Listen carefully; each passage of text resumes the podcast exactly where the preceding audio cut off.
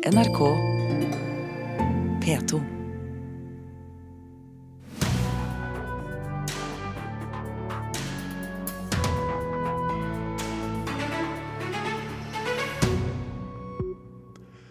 Norsk kunstbransje har et kommunikasjonsproblem. Selv kunstkritikere har vanskelig for å forstå hva galleriene ønsker å formidle noen ganger. Den amerikanske talkshow-verten Bill O'Reilly bedyrer fortsatt sin uskyld, men i går fikk han sparken fra Fox News. Og rett før Carpe Diem når toppen av sin karriere denne uken, i hvert fall så langt, så trer Silje Larsen Borgan inn som ny manager. Hvordan skal hun toppe tre utsolgte konserter i Spektrum? Og så må vi allerede nå beklage overfor de språklig sarte. I dag skal vi banne i Kulturnytt opptil flere ganger. Men vi skal ikke gjøre det i den første saken vi har i dag, selv om det for enkelte sikkert eh, føles fristende. Norske gallerier er altfor dårlige på å nå ut til vanlige folk. Det mener kunstanmelderen i Bergens Tidende, blant annet ved å vise til eh, dette eksempelet fra den seneste utgaven av samtidskunsttriennalen Bergen Assembly. Part performance, part guided conversations using just some of the images, videos, songs, drawings, and texts out there in the world that feature dominant or alternative views on sex to facilitate small group discussions on sexual identities, desire, consent, and relationships. Og nettopp i vestlandshovedstaden har debatten blåst kraftig etter at Bergens Tidende kritiserte språket som følger med kunsten. Jeg har master i kunsthistorie, men skjønner ingenting av dette, sier eh, BTs kunstanmelder. Det er egentlig en irritasjon som har vokst frem over tid. Det sier kunstmelder Silje Enger Sigurdsen i Bergenstidene. Siden begynnelsen av april har kunstdebatten rulla i avisa etter at Sigurdsen skrev en kommentar der hun skylda kunstbransjen for å ha et kommunikasjonsproblem. Veldig mange som ikke er i kunstbransjen, eller jobber med kunst til daglig, de forstår dette med en gang. fordi i alle andre næringer så må man gjøre seg sjøl interessant. Og det er akkurat som kunsten er liksom skjermet for disse tingene. Noe som er litt merkelig, for kunstnere har jo en egen selvangivelse. De er selvstendig næringsdrivende. The exhibition is extended in time as well as space and offers a slow spatial narrative that invites the audience to engage with the works for prolonged periods of time. Det var ei utstilling på Galleriet 314 i Bergen som var utgangspunktet for kommentaren. Daglig leder Malin Barth mener at kritikken ikke treffer. Nei, ikke sånn i utgangspunktet, ville jeg sagt. Det, det syns jeg ikke.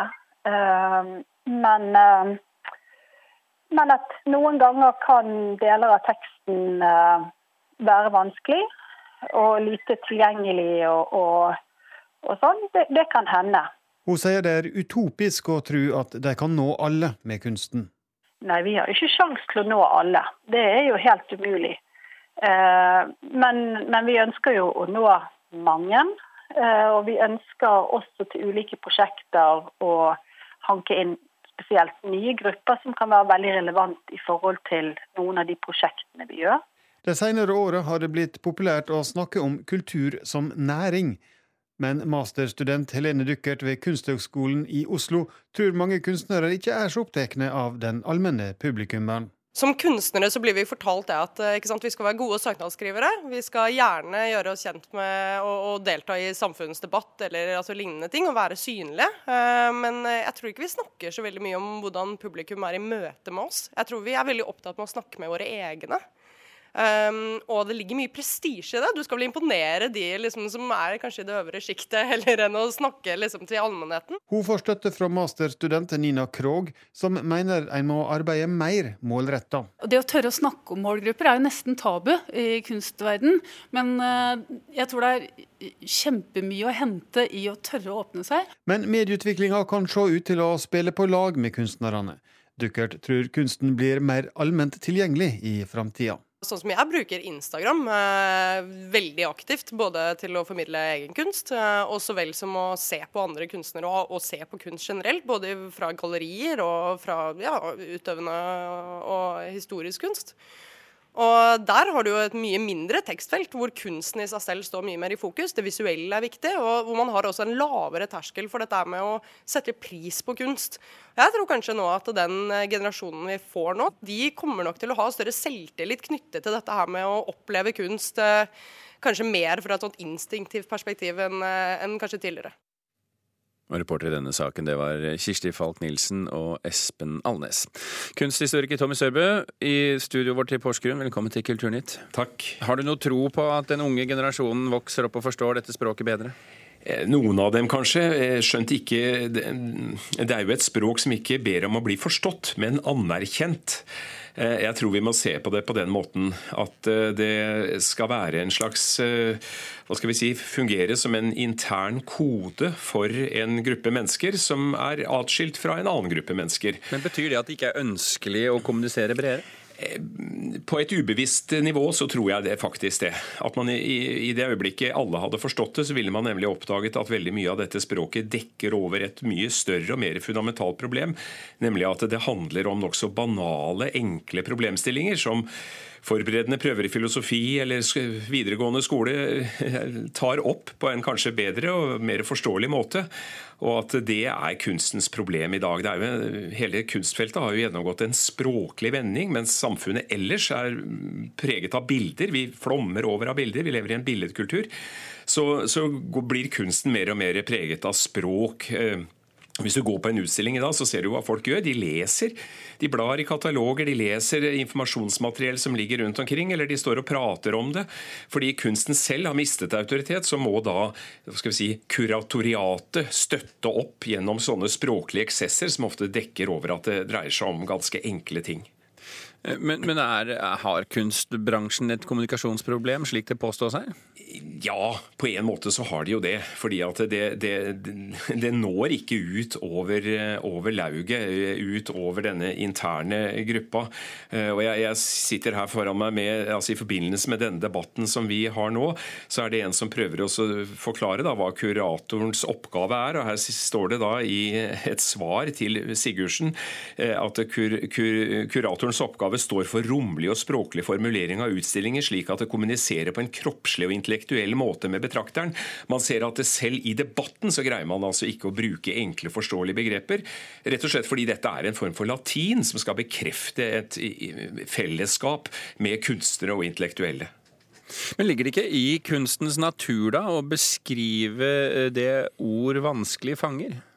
Jo, men da kunne man jo holde seg til det, det, som er kunst, altså det visuelle, og ikke forsøke å eh, fange det i eh, ord. Eh, men, men, selvfølgelig, det er jo et veldig viktig aspekt, det. At det er i grensesonen her mellom hva man kan greie å sette på begrepsform, og hva det visuelle selv kan, kan uttrykke. Og Sånn sett blir jo ord om kunst også et slags forsøk på å nå en eller annen erkjennelse? Ja da, og du kan si hvor går skillet mellom kunstverket og forklaringen på kunstverket? De flyter ut. og Hvor går skillet mellom kunstverket og kunstneren? Alle disse tingene som før var mer definert, eh, de, de eh, flyter i dag sammen på en helt annen måte enn de gjorde tidligere. og Derfor syns ikke jeg er noe problem, så lenge erkjennelsen av kunsten eh, angår meg og sier noe om hva det vil si å være menneske, og, og har et eh, høyt eh, nivå. Mm. Men Tommy Sørbø, bør kuratorer komme seg på et slags hva skal vi kalle det, folkelighetskurs? Jeg vet ikke om det altså Jeg er elitist. Jeg synes at ikke all kunst skal være for alle. Eh, men problemet er heller det motsatte. At det de skriver, handler om eh, veldig enkle og banale ting. Det minner nesten litt om middelalderen, hvor man hadde stor visdom og kunnskap og masse intellektuelle eksesser, men det de diskuterte, var hvor mange engler som går på et knappenålshue. Og det er klart, Det gjorde man på latin og med store fakter og holdt folk utenfor. Mens det i virkeligheten dreide seg om egentlig veldig banale problemstillinger. Vi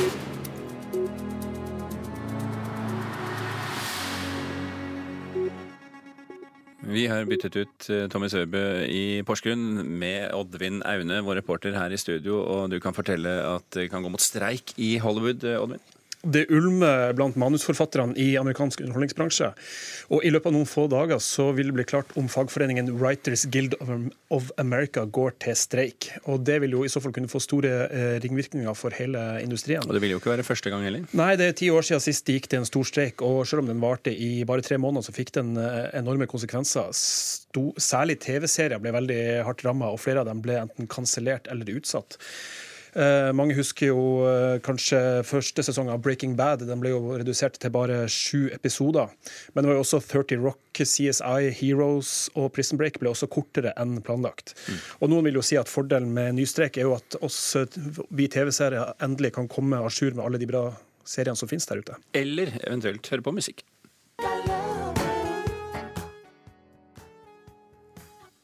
Ja, dette er et kjempekort uh, glimt av Prince, uh, Olvin. Uh, det er altså et år siden han døde i morgen. Da er det vanlig at bransjen slipper ny musikk, men det gjør man ikke sånn helt uten videre. Nei, det er jo en stor krangel da om de innspillingene som ikke ble gitt ut før Prince døde. Og familien til Prince prøvde å stoppe en EP med seks låter som han spilte inn for ca. ti år siden. Og det her er det faktisk lydteknikeren som tok opp låtene, som planlegger å gi ut låtene. Men familien etter Prince mener at all musikk som han spilte inn, var artistens egen eiendom. Men lydteknikeren han prøver å sukre den pilla ved å slå fast at mesteparten av inntektene vil gå til dødsboet etter Prince. Og han hevder også at artisten sjøl ville nok ha satt pris på denne uavhengige utgivelsen. Saken er uansett stevna for retten, og det er en domstol i Minneapolis som skal, kan komme til å stanse det. Fordi Prince var veldig glad i, i, i ting som ble gitt ut uavhengig av ham? det, er vel kanskje ikke Ikke helt, kanskje. Nei. Oddvin Eide, takk skal du ha. Stjernekommentatoren som i går fikk sparken av den amerikanske fjernsynskanalen Fox News, fastholder at beskyldningene om seksual, seksuell trakassering er grunnløse. Bill O'Reilly har i over 20 år ledet det mest populære nyhetsshowet på Fox. Tirsdag i påskeuka gikk Bill O'Reilly på lufta med det som skulle bli hans siste sending på Fox News. Caution, you are about to enter the no spin zone. The factor begins right now. Som vanlig åpnet han med en monolog med kraftig politisk innhold. Denne gangen om USAs ledende rolle i verden. We reported last night it falls to America, to us, to stop war crimes and atrocities all over the world. Other countries will not do that, including great powers like China and Russia. Det er opp til oss amerikanerne å stanse krigsforbrytelsene rundt i verden. Andre store land som Kina og Russland vil ikke gjøre det, sa O'Reilly i sin karakteristiske stil. Han har i en årrekke ledet det mest populære nyhetsshowet på amerikansk fjernsyn. I det siste har han i snitt hatt oppunder fire millioner seere hver dag. Uten hans støtte ville Trump kanskje ikke vunnet valget, er det noen som hevder. Det er umulig å vite, men han har vært en ideologisk bannerfører for store deler av den republikanske velgermassen. I begynnelsen av april avslørte The New York Times at O'Reilly og Fox News har betalt vel 110 millioner kroner i forlik til fem kvinner som hevder de har vært seksuelt trakassert av O'Reilly. Etter at nyheten ble kjent, står nok en kvinne fram. At the dinner um, at Bel Air Hotel, he uh, told me early in the dinner that he thought I was a very beautiful woman. Radioverten Wendy Walsh hevder at O'Reilly trakk tilbake det som framsto som et jobbtilbud under en middag på et hotell i Los Angeles i 2013, etter at hun nektet å bli med ham på rommet. Det hjalp ikke at Fox News var raske til å sette advokater på den saken. Til sammen ble det for mye for annonsørene. Store bilprodusenter som BMW, Mercedes, Hundai og Mitsubishi var blant de rundt 50 selskapene som trakk støtten til The O'Reilly Factor. Så i går kom den korte pressemeldingen fra 21st Century Fox. Selskapet og Bill O'Reilly har i fellesskap blitt enige om at han ikke skal returnere til Fox News Channel, og han er ikke den første. I fjor gikk mannen som var sjefsredaktør og administrerende direktør fra oppstarten av Fox News av etter sexanklager. Roger Ailes var nær venn av O'Reilly. De hadde jobbet sammen fra starten i 1996. I desember i fjor ble Bill O'Reilly spurt om hvorfor han ikke slapp til sin berømte kvinnelige kollega Meghan Kelly i programmet sitt da hun kom med en bok som omtalte sexpresset fra Ailes. I'm not yes. that interested in this. No? No, in I mean it's sexual harassment? You're not interested in sexual harassment? I'm not interested in basically litigating something that is finished that makes my network look bad. Jeg er ikke interessert i noe som er avsluttet og kan stille mitt selskap i et dårlig lys, sa O'Reilly til fjernsynskanalen CBS. Nå er han selv ute av Fox. Men med en lønn på rundt 20 millioner dollar i året på slutten og inntekter fra et tjuetalls bøker, klarer han seg nok. Groholm, Washington. Klokken er kvart over åtte. Den er strengt tatt snart 18 minutter over åtte. Du hører på Kulturnytt, og dette er toppsakene i Nyhetsmorgen nå. Norske overgrepsmottak hadde rekordmange pasienter i fjor. Samtidig viser en rapport at flere mottak mangler nødvendig rettsmedisinsk kompetanse. På Arbeiderpartiets landsmøte kommer tillitsvalgte til å presse på for å gjøre partiet mindre tåkete og uklart. Og det er ikke aktuelt å oppheve straffetiltakene mot Russland, sier næringsminister Monica Mæland. I kveld, i eh, morgenkveld og lørdag kveld skal eh, rappduoen Carpe Diem fylle Oslo Spektrum med fans. Og det er ikke alle artister forunt å nyte den grad eh, av suksess akkurat nå, når bandet er på topp. Og akkurat da da bytter de manager. Du skal straks få møte Silje Larsen Borgan, men først litt om konsertene. Lagkick, hele veien ned til DNB. De hadde best, kanskje vartinga. Denne uken holder rappduoen Carpe Diem tre utsolgte konserter i Oslo Spektrum. To av konsertene ble utsolgt på under en time. Og selv om Chirag og Magdi har spilt sammen siden år 2000, er nervene i helspenn. Åh, vi er nervøse, men øh, vi, uh, vi, øh, vi, ligger godt an. Vi ligger an til å få det til, i hvert fall. Gjør vi ikke det? Jo, vi gjør det. Ja. Nattesøvnen? Den er dårlig. Den, eh, det er eh, en ting som jeg har faktisk merka skikkelig, at selv om jeg er sliten på kvelden etter at vi har hatt prøver og gått gjennom uh, rigging og alt mulig sånt, så er det, det er søvnen som er uh, vanskelig å finne. Fordi man er redd og nervøs.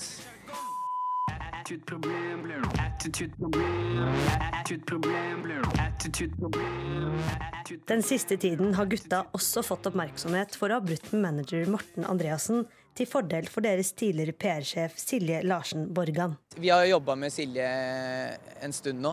Med siste prosjektet så har hun gjort all promo og sånn med Little Big Sister. Og da Da var det liksom et punkt der vi innså at hun hun her er mer enn promo. Hun er hel ved, hel pakke. Fullt opp til skyene. Toppen av plaza. Og hvilke flere superlativer kan vi adde?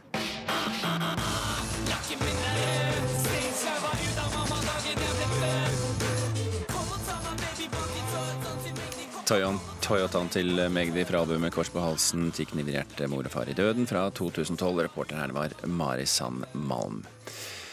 Velkommen eh, til oss, eh, Silje Larsen Borgan. Takk for det. Helt opp på eh, Oslo Plaza. er det sånn det kjennes? eh, ja, det kjennes litt sånn disse dagene, altså. Carpe Diem skal altså spille tre utsolgte konserter i Oslo Spektrum. Hvordan skal du som ny manager toppe det? Eh, å jobbe med Carpe Diem er jo um, å være med på en sånn uh, konstant ferd mot å ja, gjøre ting som aldri har blitt gjort før. Utfør, utfordre alle standarder eh, som fins når det kommer til underholdning. Så det fins allerede planer, altså. Hva da? Det kan jeg ikke si. I dag er fullt fokus på tre Spektrum-show. Kan du si noe om geografi her? eh, nei, det kan jeg ikke. Selv eh, ikke Ingenting, altså. Nei. nei. Eh. Men, eh, men si noe om nivået på ambisjonene, da. For i kveld? Nei, ja, nei, kveld det er vel ambisiøst nok. Men jeg tenkte på for fremtiden. For du vil vel ta Carpe Diem også litt videre? Selvfølgelig.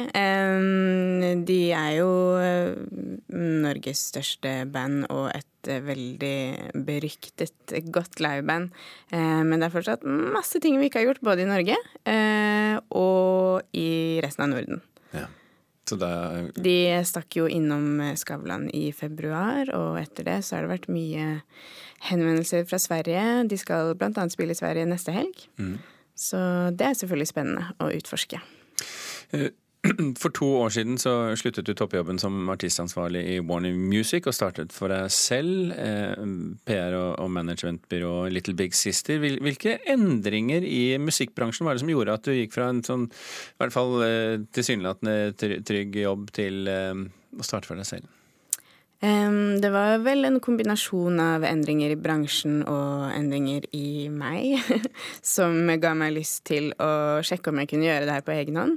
Hadde jobba tett med masse forskjellige artister eh, i en god del år, og tenkte at det jeg gir dem, tror jeg at jeg kanskje kunne bygget en liten egen bedrift på. Siden det er men, men, når du sier endring i bransjen, hvilke endringer i bransjen er det du snakker om da? For eksempel at for noen etablerte artister så har det jo i gamle dager vært eh, salg og distribusjon som er det viktigste leddet i et plateselskap. Altså at noen får musikken din ut. Eh, men når det fysiske markedet nesten er forsvunnet, og du bare ja, logger deg inn på en nettside og laster opp musikken din omtrent, så er på en måte det leddet nesten utsletta, da. Um, men, men, og da kan du jo velge om du trenger den funksjonen. Du kan fikse den selv. Det fins mange digitale distributører å velge mellom. Men da kan du også ja, lage ditt eget setup. Velge hvem du mm. vil ha rundt deg. Men Betyr det også at, eh, at man må tenke nytt i bransjen hvis man skal overleve? Det, eh, Helt klart. Eh, og det gjør plateselskapene i stor grad. Eh, det er eh, ja, det er en fin tid for artister nå. Det er så masse forskjellige muligheter å bygge opp eh, setupet sitt på. Mm. Og inntil videre så er det litt for deg som det var eh, gutta i Karpe snakket om her, søvnmangel de, den neste den kommende helgen. Ja, altså vi flytta jo inn på påskeaften, så det har vært en lang riggerunde allerede. Eh, mange sene kvelder. Jeg eh, syns det var litt tidlig i dag, altså. Mm. Å komme hit på morgenen? Ja. ja. Da takker jeg deg. Og så, så, får du ekstrapoeng for akkurat det. Takk. Silje Borgan Larsen, takk for at du kom Larsen Borgan, takk for at du kom til Kulturnytt. Bare hyggelig.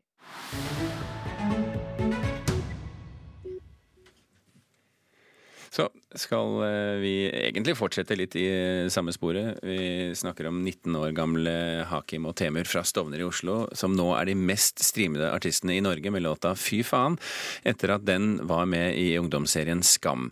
Tidligere i år ble Gabrielles Fem fine frøkner plutselig en hit i Sverige, etter at sangen var med i en scene av Skam, tre år etter at den ble laget. Og ikke bare suste låta Fy faen inn på førsteplassen til norske Spotify i går, og streames rundt 200 000 ganger i døgnet. Også i land som Sverige, Spania og Italia har man fått eh, ørene opp for norsk banning. Når alle ber deg stoppe opp, glem det å fokusere og jobb. For sjalusien den brenner, skjønt av mange bro må brenne, så alle er ikke venner. Jeg tenker det at eh, altså For det første er det jo helt surrealistisk, i og med at det er første singelen til Hakim også, som kommer ut. Eh, og så bare går den rett inn på førsteplassen. Og ikke bare det, så vi også, har vi også streama over en million eh, på veldig, veldig kort tid. Så det er veldig fantastisk. Så kom den også på Skam, ikke sant. Og det var jo, det var jo også helt uh, sinnssykt. Man merka jo hvor mye Skam hjalp også. Så det, det, føles veldig, veldig deilig. Og så rekker man nesten ikke å reagere før dagen etter, og så sitter man hjemme og tenker fy faen, det har skjedd, det har skjedd ting. Det har skjedd ting. Mm. Fy faen. Fy, fy faen. Alle gir meg hodepine nå om dagen. Fy faen, fy, fy faen. Dette er budskapet gjennom i sangen. Men Hva sier det om liksom, sånn, på en måte kraften det har? Jeg tenker Gabrielle som på en måte plutselig breaka i Sverige tre år etter eh, Fem fine frøkner. Eh, hva sier det om kraften det har ved å bli med i en sånn serie? Det åpner nok dører for oss, og eh, vi får mange fans fra forskjellige land osv. Siden Skam er jo internasjonalt, og ja, ja, og selv om, er, selv om, det ikke er samme språk, så føler de på rytmene og vibbene man får av låta. Da. Det er jo en good feeling vibe, så jeg tror det er det de har fått ut av låta. Da, rett Og slett. Og det viser jo bare at låta i seg selv, ikke bare teksten, men låta i seg selv, følelsen du får av det, er veldig, veldig god følelse. da. Dette er budskapet gjennom i sanger. Og reporter her, det var Lisa Stokke. Fargo har vært eh, en av de aller mest kritikerroste amerikanske TV-seriene de siste årene. Serien er basert på den klassiske filmen til Cohen-brødrene med samme navn, og TV-anmelder eh, Sigurd Vik i Filmpolitiet. Det er jo litt fristende da å kalle Fargo i hvert fall en smule norsk. Hvilket eh, landskap er det vi befinner oss i her? Og vi er i den amerikanske Midtvesten, hvor det er ganske så snødekt og ganske så skandinavisk høflig, hvis man kan prøve å gi det begrepet mening. Altså, det her er jo mye etterkommelse kamera av skandinaviske utflyttere, så det er jo gjenkjennelig i tone og gemytt, og veldig eh, ja, vinterlig og, og norsk sånn i, i utseende, selv om det er jo litt Alt er jo større i USA, så det er jo voldsomme, sånn flotte, flate vinterlandskap her som vi kanskje ikke har så mye av i Norge, men det er absolutt noe vi kan eh, kjenne oss igjen i. Ja. Serien har altså noen røde tråder, men hver sesong eh, har sin egen hovedhistorie og nye rollefigurer, og nå har vi altså kommet til sesong tre. Hva handler den om? Den er satt i år 2010, så det er ikke så lenge siden her, eh, og handler om to tvillingbrødre, begge spilt av eh, Ewan McGregor, kjent fra bl.a. Trainspotting og Star Wars. Den ene broren er en litt sånn glatt uh, businessmann i Minnesota. Den andre broren, lillebroren, er en litt sånn uh, mistilpassa og utilfreds uh, tilsynsfører, som driver da og passer på sånne forbrytere som må levere urinprøver og sånne ting. Og så er det jo sånn da at Fargo tematisk sett nok en gang tar for seg hvordan uheldige omstendigheter kan føre ganske anstendige mennesker ut på veldig veldig tynn is hvis de først begynner å bli litt grådige og litt overambisiøse, og det skjer vel med begge brødrene denne gangen. Fargo har jo fått kjempegode kritikker både første og andre eh, sesongen. Hvordan ligger tredje sesongen an? Det er mer av det samme. altså Jeg eh, vil jo si serieskaper Noah Hawley, som har på en måte Jeg sammenligner nesten med Beatles midt på 60-tallet, hvor det virker som hver gang han gjør noe nytt, så er det nye og vidunderlige plasser vi, vi havner. Det er rett og slett uh, imponerende. Han har en kombinasjon av estetikk og ø, stemning og handling som er veldig tett sammenvevd og veldig god. Han lager liksom et ø, teppe av veldig stilrene bilder, hvor hver minste detalj både har en estetisk kvalitet, men også er med å fortelle historier og gir oss bakgrunnsinformasjon. Og så har han veldig sånn typete typer, veldig spisse karakterer som umiddelbart fester seg med bakgrunnshistorie, som lever i det her landskapet og får det til å komme til live. Så en virkelig sånn kreativ Raptus-serieskaper, det her, som er i ferd med å, å ta steg opp i den øverste eliteserien av serieskapere. Likevel så får ikke denne serien toppkarakter eh, i nettanmeldelsen din, Sigurd. Kan du svare litt kort på det, siden vi nærmer oss slutten? Ja, jeg fikk eh, bare tilgang til den ganske lange sesongpremieren, og her, det er ikke alle karakterene som er like umiddelbare som i de tidligere sesonger, men det er jo veldig urettferdig å si at den ikke kommer til å bli like god, men fem ble det på første ja. episoden, altså. Vi får eh, se hvordan det vikler seg ut etter hvert. Sigurd Vik, takk for at du var med oss eh, fra Trondheim. Gjermund Jappé og Birger Kolsrud Aasund sluttfører hermed Kulturnytt. Hør flere podkaster på nrk.no podkast.